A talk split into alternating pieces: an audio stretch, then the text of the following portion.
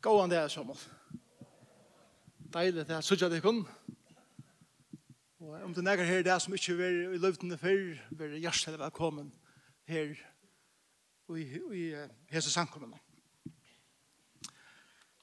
Et som uh, ger størst inntrykk inn av meg er og mennesker som uh, på ankra måte er og nomen av god og en slugan hatt er tarra liv og tarra perspektiv og tarra motiv er du føler at det er nomen av god eh, av en særlig hatt. Nekv av teimen som er så opp til sida inne her i det. Som er lærer nekv av, som er fylgjus vi i jøkken løyve mengan, og er suttje hvordan nekv av tikkun virkelig er nomen av gode, og det er jeg utrolig eimukter og takksammer fire. Jeg skal ikke få nevne at jeg ikke vil. Det er sinde for nær. Men det er tve personer utan som, som jeg har beundret til tøyene jeg kjente der. Bøyer er ferner hjem til herren nå. Ein var Robert McPhee, Han bor i Skottland. Han har en gåan, uh, gåa skotska, Lanarkshire eh, accent og, og eh, var en utrolig medver. Han var tannlakne. Og gløy mange du hvordan interesserer han var i, i mennesken og spurte inn Men han spurte inn på en måte hver det følte at Kristus er karlæg han var fleit ur honom. Han var ikke fokus. Og hva han hei ho til, eller vilde, var ikke fokus. Det var meira, at her, hvordan kan jeg uthedla mitt liv vi gode, iver ånder og sikna ånder i djøknen til. En annar var eh, en professor som er da jeg gikk skola eh, og les godfrøy. Han er Dr. Pentecost. Dr. Pentecost var, var iver forsvarer gammalt da han var lærer som er. Eh, Og jeg minnes særlig han fyre av hver enda mannen som uh, ikke var bensjen at ta seg om hva han struttest om, eller vi i løven. Han var ikke bensjen for at ta seg og være åpen om sine veikleikar og struje inn i ui, og så har han kjølt om han i ødelse årene har fylst vi gode. Og jeg glemmer ångan det særlig i morgen han, han, det var en vorlig tala, Men eisen han dutte så eller vel at få humor nå for at virkelig at nekla seimen og høtte. Um, han tar seg om det her at Paulus tar seg om det her flytje fra ungdomslisten og han får inn ut han teksten og han begynner vi å si Kære uh, nærmengar, det var i skolan om, kære menn og kvinner. Jeg er en maver som er i forsunnen, og jeg har livet, alt livet, en stor part av det her i livet sammen med herren. Men jeg vil si at vi kunne det, at her er ungdomslistene som Paulus tåser om, er jo ikke farner, til at du er kommet opp i forsene. Det som han tar seg om vær, og var åpen om vær, gjøkken alt løyve, er ei strøy inne i okken, som er ei strøy i middelen til gamle mennesker og til nødja mennesker.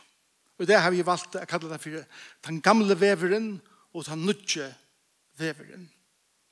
Bøyer eksisterer i akkurat løyve.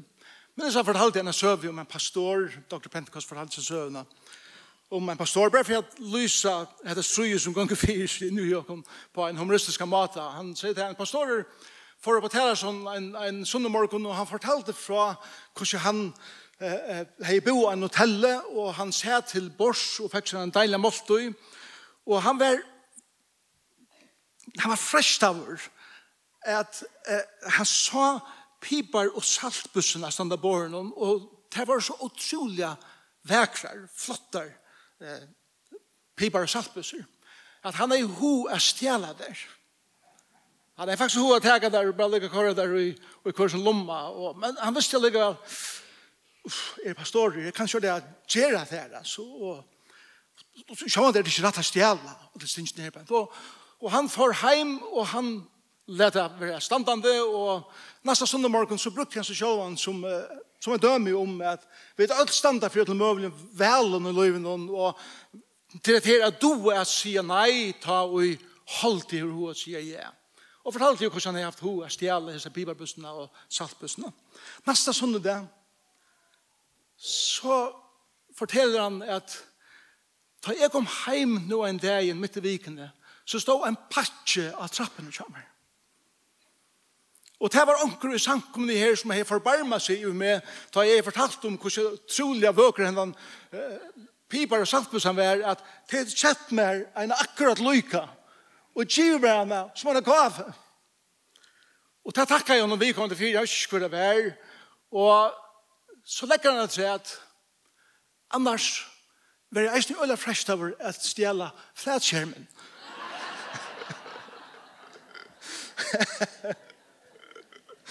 Så det som Pentecost vil det vise oss er at Oi, oi, oi, tui er vi røyna vera så fitt å gå og forklara og hvordan vi vinna av fresting, så er det likevel jeg og jeg hvordan sier, ja, men kanskje jeg kan få akkurat litt mer på sjur hvis den her korsene. Det er det som vi skal ta oss om i det. Jeg får ta oss om tvei personer som var øyelig i mykje. Og det er lukknelse som Jesus hever om farsieren og tottleren. Det er kjent eh, løknelse. Men jeg husker at, at komme til løknelse på en, jeg synes det er et måte, at, at man skjeller opp mot kvarnøren, men ikke at han hatt at, at jeg sier at anker her i samkomne er som farsieren, og anker andre er som er som tottlaren. Det som jeg heldig vil vi så er til at vi har boar inne i ujaken. Er det vi? Jeg er bæge farsier og tattlare i min liv som en tryggvande maver. Bæje halo i meg, bæje den gamle veveren, men eisen ikke nødje veveren som Herren innkjød jeg skal liva. Og lykke årene leser den teksten, så vil jeg bare lykke grunda det vi har nøren teksten til Paulus i Galaterbrevene kapittel 5, vers 16, bare for å vise det strøye, jeg sier til henne, livet i andanen livet og i andanen, så fullfører til ikke gjernt halsens. Så liv i andanen tar nødvendig veveren, gjernt halsens er den gamle veveren. Så vi lyser strøye til halte, altså gamle veveren, stjernas mot og nødvendig veveren, og andan mot halten øvet. Hese standa kvars ørene mot det, for at tid ikke skulle gjøre det som tid vilja og leiast tid av andanon, så er tid ikkje under lov. Så hadde det struje. Hold det jo i meg, men anden. Hold det som vil seta med og i fokus, og alt snur seg om med, og er er sentri av universen. Og hitt er anden, som, som hjelper meg at deg fokus i av mer, og han som hever frelst meg, og han som har borret et bor for meg og bjør meg inn i samfunnet som selv han, at njøta han, at njóta seg selv og ikkje gavene som han gjør meg. Vi ørner den, gamle veveren, er at bruka god, og få at jeg bors urnen som, som gjør med nøktan. Nødvendig veveren er at njóta god. Og ikkje være så opptidsen av de gaven som han gjør meg, men heldur at livet og isen her, at jeg kjenner god, og jeg kan njóta ham, som han eisen kan njóta med. Ödl er okon heva hatta inni ui okon som heva givet okon løy til Jesus. Hesa boar, vener og hatta strujen. Og Jesus eh, sier et her lykknes i Lukas kapittel 8. La meg lese disse versene, og etter fra vers 9. Lukas 8 og vers 9.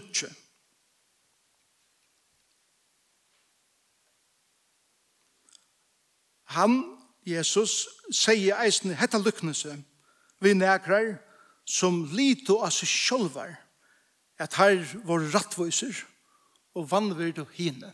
Så det er publikum som Jesus tog seg til. Så sier han, tvær menn for nyan i tempelet at bya. Annar var fariseere og annar tottlare. Fariseeren stod fyrir seg sjolvan og be så, God er tatchet her, at jeg ikke er som andre mennesker, ronsmenn, åratvois, hårkadlar, annet, ta som hessen tottlaren. Jeg fastet fær for en nam, og jeg lærte tutsjent av atlar i inntøkken min. Så brøyte scenen, og nå var kameraet flott iver til et annet sted i tempelen, og da åpner etter, og fokus er og en annan mann som stender lengt borster, og vil det ikke så mye som lytta opp eiesønne mot himmelen. Men slå seg for brøstet og sier, God, God, Vær mer syndere naivur. Jeg sier til henne, og nå tar seg Jesus at vi er mennene som begynner å ta seg vi i vers 9. Hesen, altså tattlaren, får rattforskjørt at det hus, og hin, farsieren, ikke. Tog ein og før vi seter seg sjåvan høgt, skal være setter lagt. Og tann og seter seg sjåvan lagt, skal være setter høgt. Men det er en sikna sitt år. Ikke det at jeg viser og at trutjar karakterer som jeg kjenner gamla veien. Og jeg tykker at som jeg tar seg om gamla veien så tykker vi at öll er åkken og jøkken til som sier, kunne si amen til det struje som er i New York. Men så er ikke eisen at vise at trutjar karakterer er nødja veien Hva det betyr av liv i andan Hva det betyr av å være dryen av andan er at njóta god og ikke være opptidsen av hans gaven og sikningen. Det er ikke nummer ett. Men nummer ett er å njóta god sjølvan og heva til samfunnet i han. Farseren var en uh, jødiska, jødiska mentan, en respekteraver, maver. Der høyde han søvå hver uh, der høyde bjerga, jødiske skriften og som hesten ordanen av hesten her mannen og vaks, så var det eisen fullt halgar til lovene. Der hadde han sterska politiska avvarskan, der hadde han sterska samfunnslige avvarskan, og samtidig var det høgt religiøse menn. Nekver at han var eisen skriftlærer, der kjente skriftene utan et, og levde på punkt og prikk etter lovene. Og det gjør det stolt der. Det gjør det at han lytter ikke på måneder. Og det gjør det at han hukte nye av andre. Det var slutt. Tottlaren var eisende en jøte. Men som arbeidde for romverska staten, og det var han het av fyr. Han tok skatt fra folket, og han gikk rundt og kravde skatt fra dem.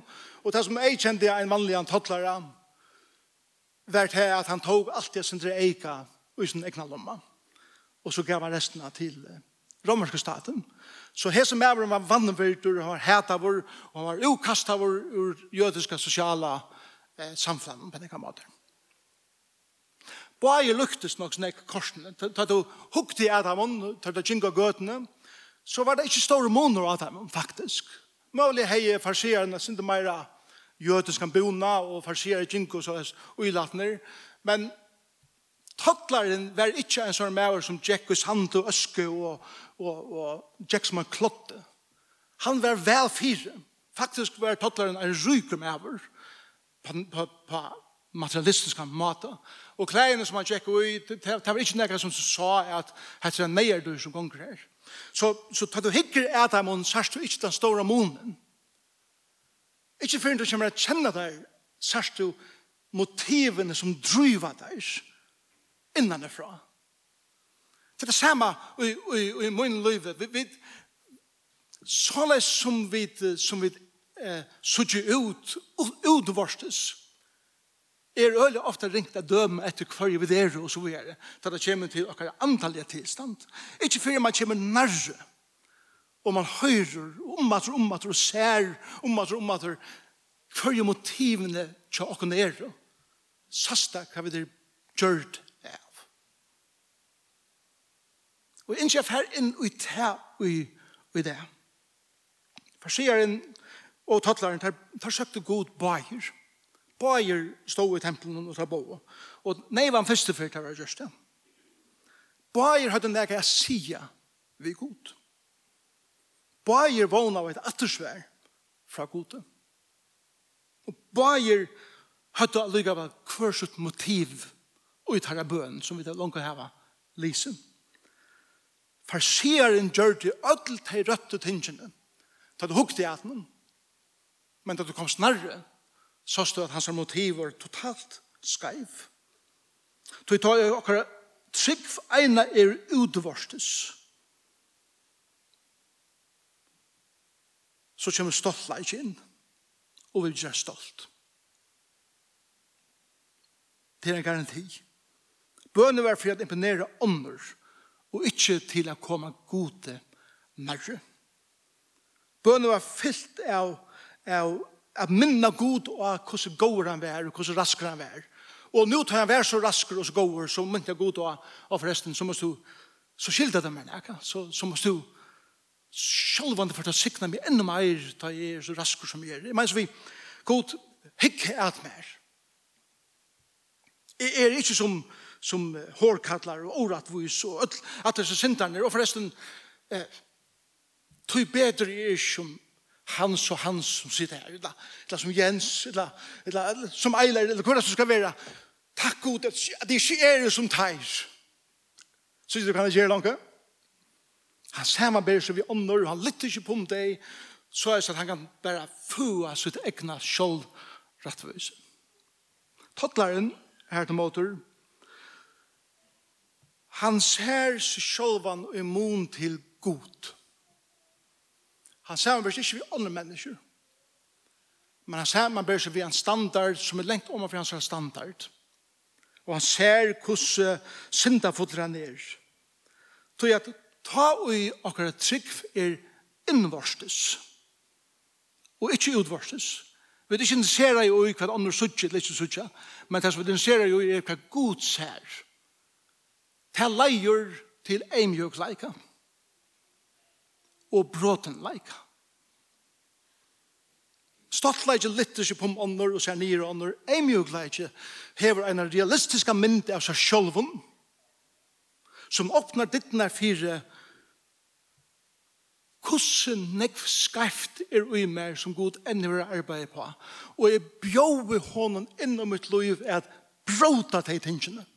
Til det som det betyr er å være bråten, er så et bråte menneske andalig. Det er til at du græter i vår synd ut uten livet. Du græter i vår de små tingene uten livet som du verst hatt det er synd. Og du bjøver god i inn til at du, du innskjer å komme noe nær og være ui en samfunn vi han til han er tøyt nummer 8. Ikke hans er gaver, ikke hans er sikninger, men han sjølver.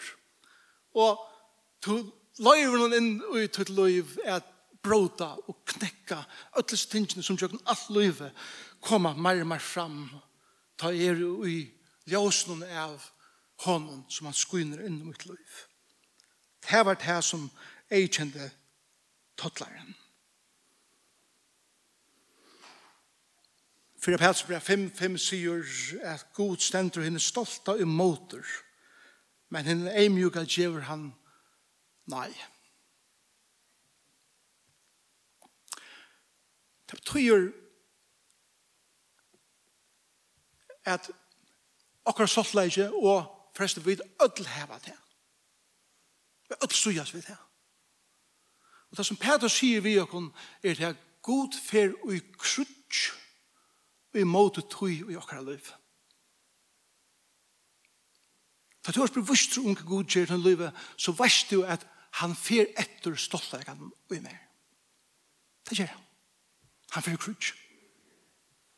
Og det som han gjør vi, det som hender er til at det er krutsk som god fer i måte i okkara stoltheten, det er vi tog fri eie at det kan komme fra stoltheten iver til eimjukleika så er det at han slipper at blasa sitt liv inn i eimjuleikan og gjør livet så at han vekser. Tog at tess eimjugar vi der og tess meira bråten vi der og tess større blir god i akkurat livet og vid minka som Johannes Støyberg forresten sier er at må han veksa og er minka. Det er det strøye som er i middelen gamla veien og nutja vegen. Er du vi? Så lag nå hitje etter Trimon, Trimon eh, eikjennom, tja einon som eh, strøyest, og til vi rødt til gamla vegen, og try eikjennom tja einon som lever ui og av nutja vegen. Og la meg eina for å si at sier, bare for jeg nekla det pura fast, jeg sier det ikke folk ut mot kornøren. Ok? Nå tar seg om det som gonger inna ui løyvene tjokken øtlund Og det strøyer som vid ødel som har givet oss lov til Jesus, er bevisst om er her. Jeg er ikke bare i det at Røyna dreier det enda mer fram i bevussthetene, så er vi kjenner det atter i oss liv.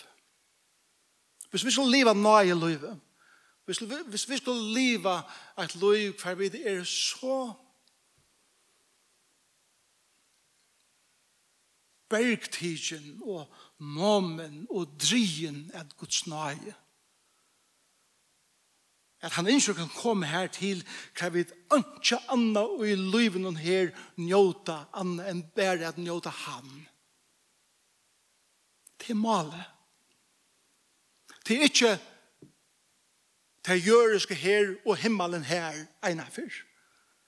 Det er ut til jøreske her skal jeg kunne njóta god til fullnær Jeg vet at onkel blir som det er til jeg kommer til heim, men jeg kan njóta han til fullmer og være nøkter ut som han gjør meg er og tog bæg som er godt og til som er ringt. Det som er pøynefullt og det som letter meg opp så er han i sentrum av min liv. Men det gamle blir vi å holde meg vekk fra det. Så hva er det jeg kjenner? Den gamle veien.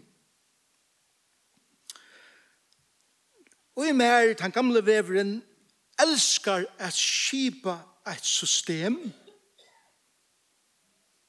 hver er er i sentrum. Og vi, vi oppbygger et system som blir veldig praktisk, at hvis jeg gjør det hettar og hettar, så er konsekvensen at jeg utdrag ned hattar og hattar. Hvis jeg begynner og sett meg et mal fra A til B, så kan jeg planlegge meg ferien av noen lunda hvordan for å vera, og jeg bestemmer. Jeg vil øle Jeg er veldig opptidsen av at organisere mitt liv rundt om min identitet. Det er viktig at mitt navn og mine og, og mine bøten og, og det som er så stand til fire, hva det så er, på akkurat måte stender som et firemynd. Motivet er skarpt. Ikke dit? Til for jeg kan. Og folk kan snakke om meg. Til for eisen jeg vi min tryggleik jeg gjøre at jeg planer ikke man livet så jeg sier at jeg og mine er så trygg som mulig. Og eisende et annet som, som det jeg kjenner er til at jeg gjør alt for jeg vil ha kontroll av min egen liv. Så kontroll, tryggleik og identiteter. Jeg kjenner til systemet som jeg røyner bytja meg opp. Og det systemet er, det ser ordentlig godt ut, og på nekka måte er, er det øyne en god andelig aspekt ut i oss hvor her. Men motivet er gamle vevren. Så måten som jeg ikke illuserer det er simpelthen er å skrive en bøn nyer som jeg kjenner et så typisk bøneløyv som jeg kjenner vel at som jeg selv om ta og gjøre opp det jeg er. at det er gamle vevren. Han har holdt det som byer. Så la meg lese seg bønene for dere. Jeg kallar henne bare for gamle veveren bønnen.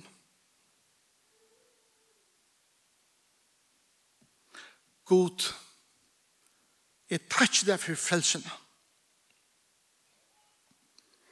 Jeg er jo oendelig takksamere for det evige livet som du giver meg. Jeg elsker samlast ved denne følge. Jeg elsker til Kristus. Kristus utan til hver er fortaptur, og ånden vågner vær fyrir mer. Og nå, ta ui avleidjen er tryggjavar, hugsi herre, sars du, hei du vilja giv meg en glede, en mer glede, og gypre takksomme, om du hei vilja sikna meg og mine, en god meka, firmyndelig bøten, framgång til karriere og arbeid, oppfytling og immunitetnasi og misjon for det, gåa helse og generelt framgång til løyvene.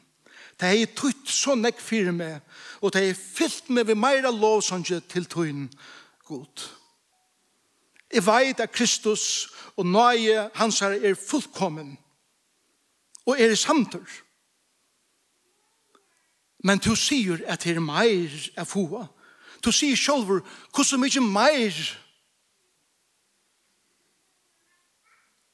Du bier god og minne tunglende og større sjolsalit. Minne mågångt og meir framgångt i arbeidet. Færre avbjøringar i familjene og en enn meka og bøtten som fylltjast vidt her. Minne hindringar og bedre helse. Minne Jeg lover at jeg skal gjøre min parst. Jeg skal vire min meka og opphelle mine bøten av tøyne veie. Jeg skal oppmuntre mine viner, bia for samkommende, gjøre av uh, djeve av min oknun og min artøy. Jeg skal fære vel med min arbeidsfellen. Jeg skal gjøre det som du sier. Du kan råkna vi mer.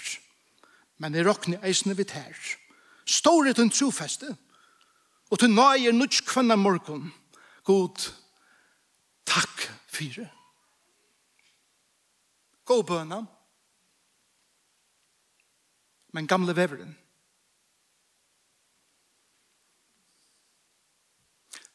Lysa stikkare bøner her, sier Jeg kan svære for meg beina ved, ja, absolutt. Det er jo som at, det er ikke annet vi kan ta oss om, Det är funnast det slett. Det borde kanske säga här. Och men men hatt er, är er gamle veveren. Jeg er i fokus. Mine bøten skulle være fire myndelige. Mitt arbeid, Alt hever vi til å gjøre at er i fokus, selv om jeg tar ikke der, selv om alle tingene er, så er mitt forhold vi til, ikke det som er primært, men det som du kan skjeve mer, bors ur mine forhold vi til, som er primært i mitt liv vi gjør når hun tøyne gaver, tøyne sikninger, som du gjør mer, det her blir motivet som er for at genga mer møte og gjøre mer ting, Tog at jeg har planlagt meg livet så jeg sier at om jeg gjør hattar, så er hattar hattar urslide, og det ser fantastisk ut. Og ønsker kan sette fingre av det, som ikke kjenner det gjør det vel, eller kjenner meg gjør det vel. Utan, heilige anden som bor i meg.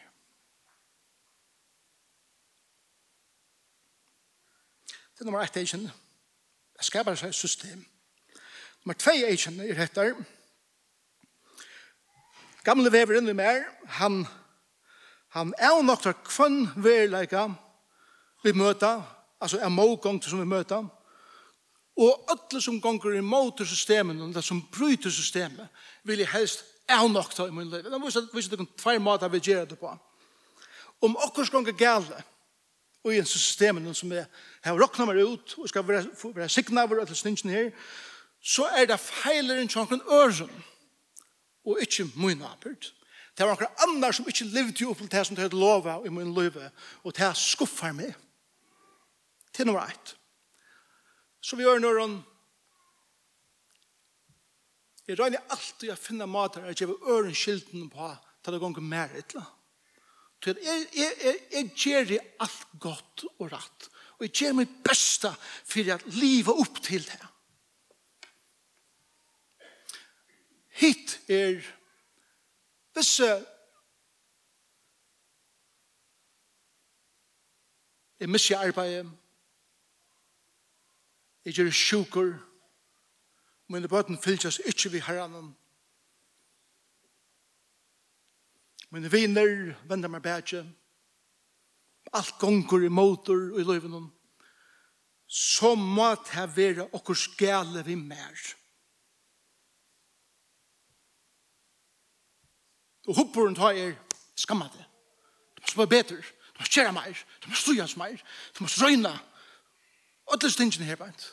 Og eisene hittir jeg vet ikke at god straffa meg og jeg er oppe på børnet. Jeg visste det god for å bedre det, at her var okker som gjør det skreft, og han stod klar vid tampen om jeg slå av meg så kjøtt som jeg gjør det gale. Så jeg må bare stramme meg opp, bytja systemet enda bedre, for at han skal være nøkter, og ikke få høve at slå av meg. Så er det vi, sa vekk, føler det at det er den gamle veien som drever, og som, som alltid røyner at for, ta seg om det her søsterføyga, det er fordømingen, peikanen etter, at du er ikke god nok, eller at du hever oppe på borg, jeg blir straffaver, og så videre. Ja, det er avlæringar av akkurat avgjøren, det er det. Men det er mer enn hukkbor om at god straffa meg. Og hvis du hever et her forhold vi god, hever du nekra som helst ho at vi er kommende nær? Hever du? Ikke velja, Tror jeg at her forhold er bygd og grunda av öttan.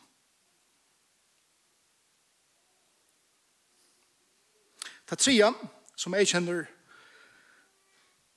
gamla veien, er dette at jeg lærer at miskylja sårbarhet vi bråtenleik. Jeg forveksler det i tingene. Sårbarhet og, og bråtenleik. Vi er vilje at, at vi hører ofte det her år uttrykket get real, vi rekta vår, og, og, og si det som det er, Men maten til okkon av gamla venon er at luta okkara pyna og sorg og skam og skuffelser er vi motiven om er få andre at jeg har synd i mer. Jeg kallar det for stakkals e-syndrom. Jeg luter hvordan harste er og hvordan hvordan herst liv vi er, og hvordan jeg mågong det er, og så videre. Men det er ikke vi tror for jeg at vende vi, og at søge god ut det, men heller at få samkjensle vi øren, så er det at de kunne si, å, jeg vant til synd ut her, og det er så forferdelig at du skal føre jøkkene stingene her bein, og det er bare at han gamle veven og i meg som elsker det, til at jeg er i fokus, og god er totalt glemter og i ötlun. Og kvad kvad er uslu det er hesn du skal ansette kvad det sier, men eller ikke ut Er, er, er vil si noen ting. Og det er at vi er en mentan som elskar bare å spudja alt skittet som er i New York ut av ånder og søker okken hjelp her og der og i vånen om er få det bedre og det eneste som hender i okken samfunnet og kring allan heimen og i kaosen som vi der og i det, er til at vi har bare en større narcissister som genga av uh, gøten kring London tjåken, hva fokuset bare er om hva jeg er og hva det jeg skal oppleve og hvordan mitt gode liv skal være. Eller meira rattende krevjande folk. Det er så her av min ratten, det er så krevja mot, og til tilslå syrja fyrir at li opp til det som er krevje, og så videre. Etla, tek synd og mer syndrome, og ötle tingene. Og, og, og, vi var oppmuntra i livet på tammatan, og hva er det urslutet av at hitje er dere samfunnet i det? Det er enda mer ensemme. Det er enda mer vreie. Det er enda mer krutsk i familjen tøy at motivet er alle tøyina er. Og gamle veveren slipper å blomstra og i latna øyne penan andalige klatning.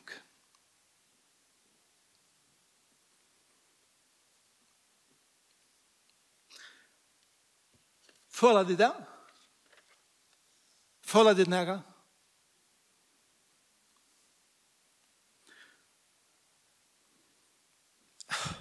føler dit, kjenner det datter, det er bare, det er bare, at her er bare drien til hette, er bare fokus, er bare drien at, at styre med nekna systemet, det føles så godt, det føles så, så oppfyllende til at, til at ah, ja, så kan jeg lytte meg på om andre og, og peke av andre som ikke lykker gå som er.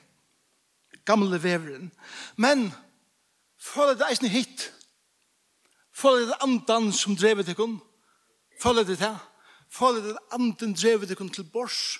Følg det herrens rødt, eller andans rødt sier, kom fra hæsen bornen til hetta borre som er borret fyrir der, for i egen fortjentene tøyna, hver du kan njåta, ikke bare det som er bornen, men eisne herren som sitter til bors, saman vidt her at njóta god sjálvan, at njóta samfræði og, og i intimiteten vi han, kan fokus ikkje er langur hva det fire fra noen, eller hva han signer med vi, eller hva det er, det er alt sekundært.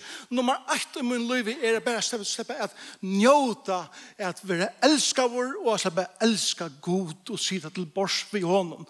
Ikke annet er tøtning i livet. Ofta tykker vi at det teker en løs å komme her til. Ja jeg blir gammel. For jeg ville føle at det. Faktisk er jeg altfor unger til det her med båtskapen. enn til herren er ikke mindre meg nok enn til at til at velja føle det her som vi sier. Våne herren kommer nek var at seg, så vi kan stande til å fem år gammel og ta som ungdomslisten der. Hva er det som tror jeg kjenner i nødja venen. Faktisk, forresten, den nødvendige veveren er smale veveren.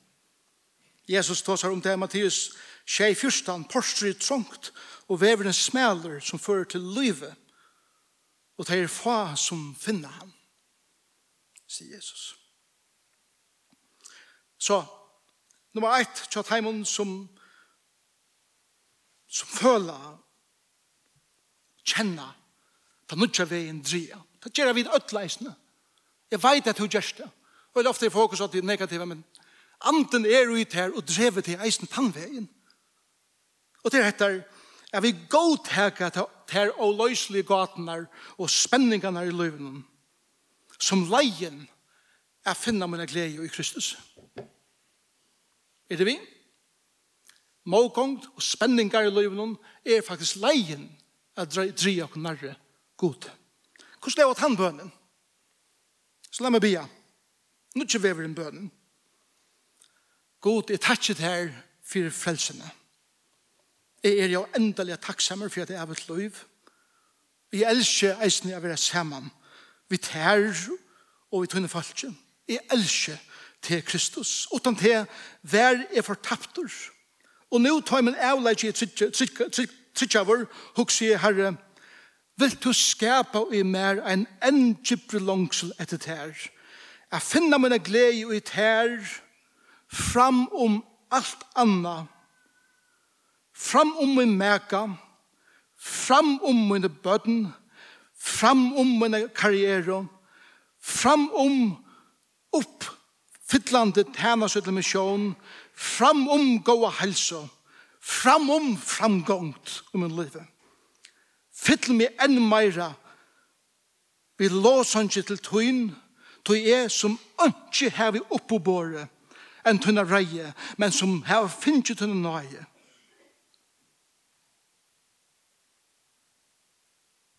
Så vil jeg være et bråte menneske som græter i vår synd og i min egna løyve og stande undrande i ivet tunn karlaika og ta nøyina som du vuste mer i Kristus. Og nu, ta i hevet til Kristus, kan du få resten av eisene. Hvordan mykje meir sier du uten året, er kunne gjeras Kristus, er kunne gjera Kristus vekran i munnen tunglende, og er suttja vantan i munnen kjolsalide. Er kvila ut her i munnen mågångt, og at vite at du erst vi og i mine framgångt lyga mykje hvordan hon ser ut eller om det ikke er. Du er to erst min skatter to erst min tryggleidje to erst min identiteter to erst min konger ta i avbjørngar er i familjene at jeg kan vise tutt linte og om jeg så ikke har en glede merke, må han så finne sånne glede ut her. Og om jeg så har bøtten som ikke fylles vidt her, må min karla til terra dria teg til tøyn. Jeg skal gjøre min parst, men ikke av norslo, og heller ikke tøy at jeg har forkjent det, men bare tøy at jeg innskje, og vil og jeg elsker at gjøre min parst, som to har givet meg gavene og alt til å gjøre. Tøy nøye, nøye meg ikke gjøre noe, men dreve meg til tøyen. Jeg skal vire min merke, jeg skal oppholde mine bøten, tøyne veier. Til min største troen er at jeg skulle sita til bors kjøtt her. Jeg skal oppfylle og oppmuntra mine viner, bia fyrir samkomne, djeva mine oknum og mine tog, tog jeg elsker at investera i det evige og ikke i det som forfest. Du kan råkna vi mer, tog tu hever langt gjørst alt som kan gjerast. Stor er tog en trofeste, og nøye tog en nudj kvann en morgen, Amen. Følg at det her så bønnen. Hatt er mye veveren bønnen. Som ikke legger ui hva skjer mer her og gjør. Tøy min ei og er vendt en annan sted. Og det er min drygkraft, det er min motivasjon, motiv. Jeg er takksammer for alt som god gjør meg og sikner meg vi, men det er ikke fokus han er. Nå ikke veveren elskar at njóta god og samfla vi han. Og om alt er tidsi fra meg og missi alt, så har vi stadvekk min dyrast skatt. Til han er en navn, og han er det god. Og det er nok for meg. Nummer 2, tøy, det er ikke veveren som drever okken, hjelper dere eisen at være væren vi hvordan autentisk vi er. Allment. Så jeg vil vite at å være autentisk, å være åpen, å si som er, kan være størst av bæg til gamle vennen, skrive motivene, men eisen til nødvendig vennen. Ta løyve er harsht og avskillet, så gjøtta vi det, til den nødvendig vennen Vi rønner ikke å finne omkyldninger og andre omkyldninger, eller god straff ham. Jeg gjøtte at dette er det som er strøyest vi. Jeg gjøtte mine synd. Jeg, jeg gråter om mine synd og i mine liv. Og ta i god, frustrera meg, eller skuffa meg. Gjør han legger det til ikke dere. Uh, det gjør han ofte vi med. God frustrerer meg utrolig enn jeg ofte. Men ta nødt til veveren drev meg til han at hos av henne det. Hvor? Til han er langt opp i åmer til bors. I njøden av alt i henne. Han er, han er her for jeg njøder samfunnet vi med. Og han sier, kom, ta oss av i munnen. Ikke renna fra meg, ikke være bensjen, ikke grunda til liv sammen med meg i øtta, men i karlag og fri. Så er vi drien til god av å være autentiskur. Ikke ut av geil om det er, men i munnen samfunnet vi god, Legg i mine frustrasjoner av båret som tar er. Og så teg som sjående er meg nærmast, hvis det er relevant. Jeg tår jeg trakke ut i myrsk og nottene, til jeg vet at ljøs er fyrt framman. Jeg tår jeg føle vognløse, til jeg vet at han som er sidet til bort sammen vi, er min vogn.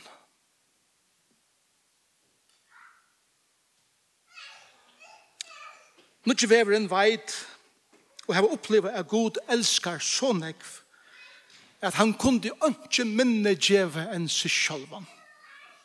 Er det vi? Han kunde ikke minne djeve enn seg sjálvan. Men jeg veit eisen at inni i mer er gamle vever som drever at jeg elsker Gud så lyte at jeg heldig vil hava hans sikningar enn at hava han sjálvan. Heldig hava gavenar enn djevaren. Da lai meg til det sørste, og vi skal enda her. Ta nødje veren er væren vi sårbarhet, men sårbarer om bråtenleik.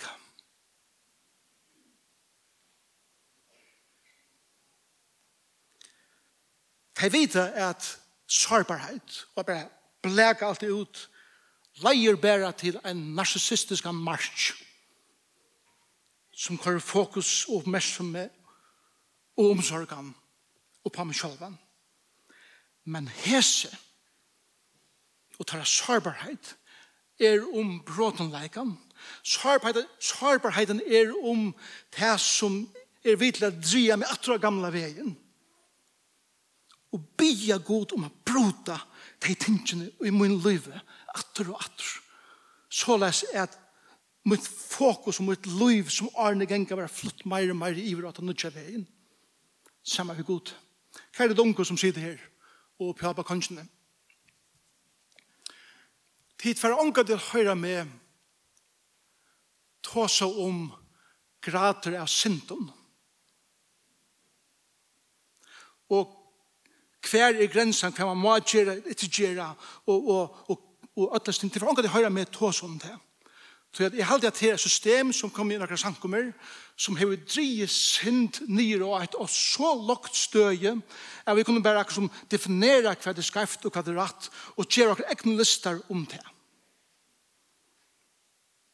Nutsje veveren græter om ter mikroskopiske syndene i akkurat løyve, som er grunnet av akkurat motivene Og ikke bare noen lister som fariseren gjør det. Jeg har hese, hese, hese tingene, hatt det sint, og jeg gjør ikke hatt der, tog er i rettveser. Og han får ångene nye som han tattleren gjør det, for han så inn i seg selv, og han så motivene for sint i sin liv, og græd om det, og bare god bråd av det. Så at om vi får gjøre lister, så får vi alle tiden hettla til, hvordan lengt ut til grensene kan jeg hedla med, og er det dette jo forboi til linjene. Det er jo ikke samme som at fokuset vil omgå det av krossen, og det som Jesus gjør her, men heldur av gyringene, ut til her som jeg kan fære. Det er jo ikke samme som fleste av oss liva vi egen og ut til her så lenge som vi kan fære, heldur enn her egen av krossen, her som Kristus drever med til. Tog må vi komme atter og være bråten om akkurat synd, småloter, mikroskopiske synder, som bæra hele anden kan åpenbære fyrir kun. Ta vi sitte til bors, vi tror endene. Og færen viser meg, og hele anden åpenbæra mer. Og Kristus viser meg hva han er galt til fyrir. Og jeg vil halda meg nær krossen. Og ta jeg fokuserer ut fra tog, så, er mitt forhold vi herran så, det han er min skatter. At løyvi honom innan bråta. Og knekka meg. Så er som min glede og mitt oppfyllelse her i løyvenen ver ui honom. Det er jenta. Annar for til hus totalt obrøtter til han sa ikke tørre for brøyting som egen løyve. Til gamle veveren. Hin, for heim som han brøtte med over. Eller kusher, nega brøtter alene. Til han tørre de var åpen. Til han visste at han god som er tåse vi, er han nøyre og god. Og han sa nøye, bryter meg først. Og leie meg ut i ting som knekker meg. For jeg lytter meg opp. Til at han som lytter seg sjåan høyt skal være sitte lagt. Men han som sitter så sjånalagt skal være litt opp til bors. Tja ut. Kanskje er du her i dag, herre viner, og du har ångan du bakte for Jesus. Du har ångan du givet ut liv til Jesus. Han døg for til Golgata kross. Han bjør der inn og en nødjan ved. Han livet sammen vi seg. Og i det kan du gjøre et liv til han, til han har gjort alt av Golgata krosset. Da han betalte for tøyne synd. Og bjør at her inn i samfunnet vi ser. Ikke bare han njød hans gaver, men han njød han. Og finne denne glede i hånden. Slå bia sammen. Jesus, takk for det. Jeg vet, jeg som kunne fære vi mikroskopen og mengene inn i akkurat hjärsta og sudja bardagen som gonger fyrir seg ui okkar hjertan dyp. Og vi vilja være åpen om det, vi vilja sida åra av det. Fyrt her,